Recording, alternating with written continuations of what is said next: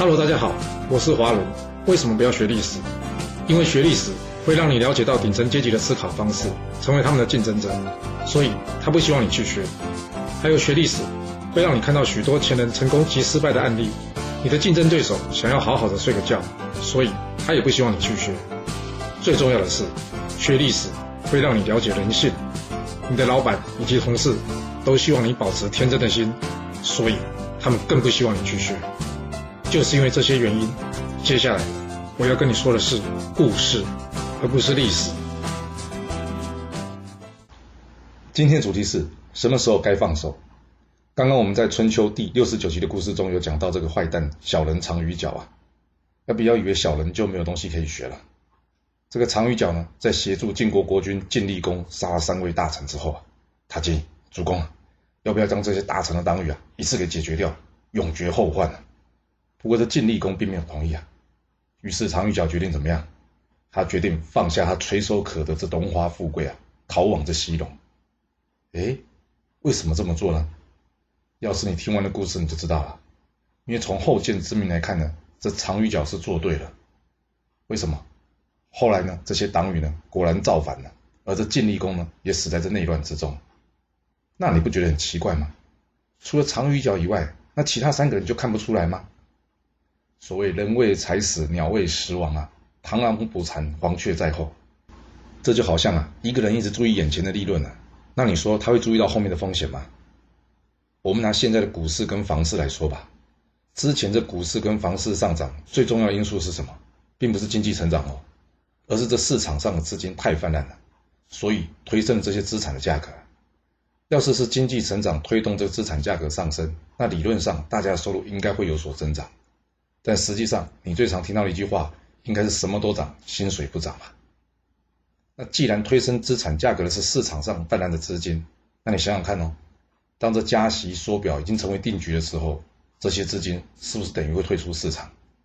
那一旦这些资金退出市场，这原先被堆高的资产价格会不会跌落下来呢？其实从逻辑上，这一点都不难理解或者想象。不过为什么还是有这么多人不愿意认赔杀出，或者是想跑去抄底呢？一个是啊，没有人喜欢输的感觉，因为认赔就等于认输，只要没有退出市场就没有输。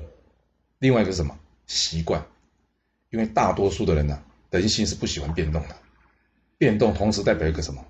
就是象征着呢，朝向生命的终点又迈进了一步。所以谁会喜欢变动啊？由于许多人呢是在不自觉或是潜意识中呢都不喜欢改变，所以最后怎么样？会死抱活撑，直到这个现实啊。击垮了他的美好想象。我不是财经专家，所以这投资的事啊，我没办法给你答案。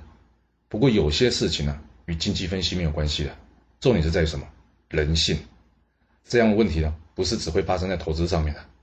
就像是有许多人呢，遇到公司发不出薪水了，他还在怎么样努力的在公司上班，期待着状况会改变，直到有一天这公司关门倒闭了，或者说有的人遇到了恐怖情人。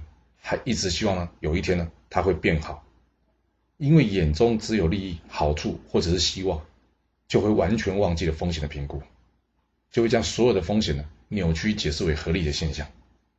想要成功，或者是说想要安身立命啊，千万要记住，一定要进行风险评估啊。一个能赚钱的生意，或者一档会飙升的股票，那它的风险是什么？你能承担吗？要是你一头热，无法理性分析。这些东西你就不要碰。拿一个例子来说吧，我呢有个亲戚啊，之前待在一家大型的房屋中介公司。有一次呢，他们公司呢没有准时发行，那公司给的理由是什么？因为人事作业失误啊。他回来跟我抱怨说：“哦，有够离谱的，做了几年还会做错。”你听到这有没有发觉什么不对劲呢？我告诉他，这人事发薪水是公司最重要的事，是不应该发生错误的。若是发生错误啊，那就是人事人员的重大疏失。那你等着看吧，看什么？就是看你们公司会不会公告这个人事人员被惩处。要是没有，那就表示有有很大的可能啊，这并不是人事人员的疏失，而是什么公司上层的意思啊。你要有找新工作的心理准备啊。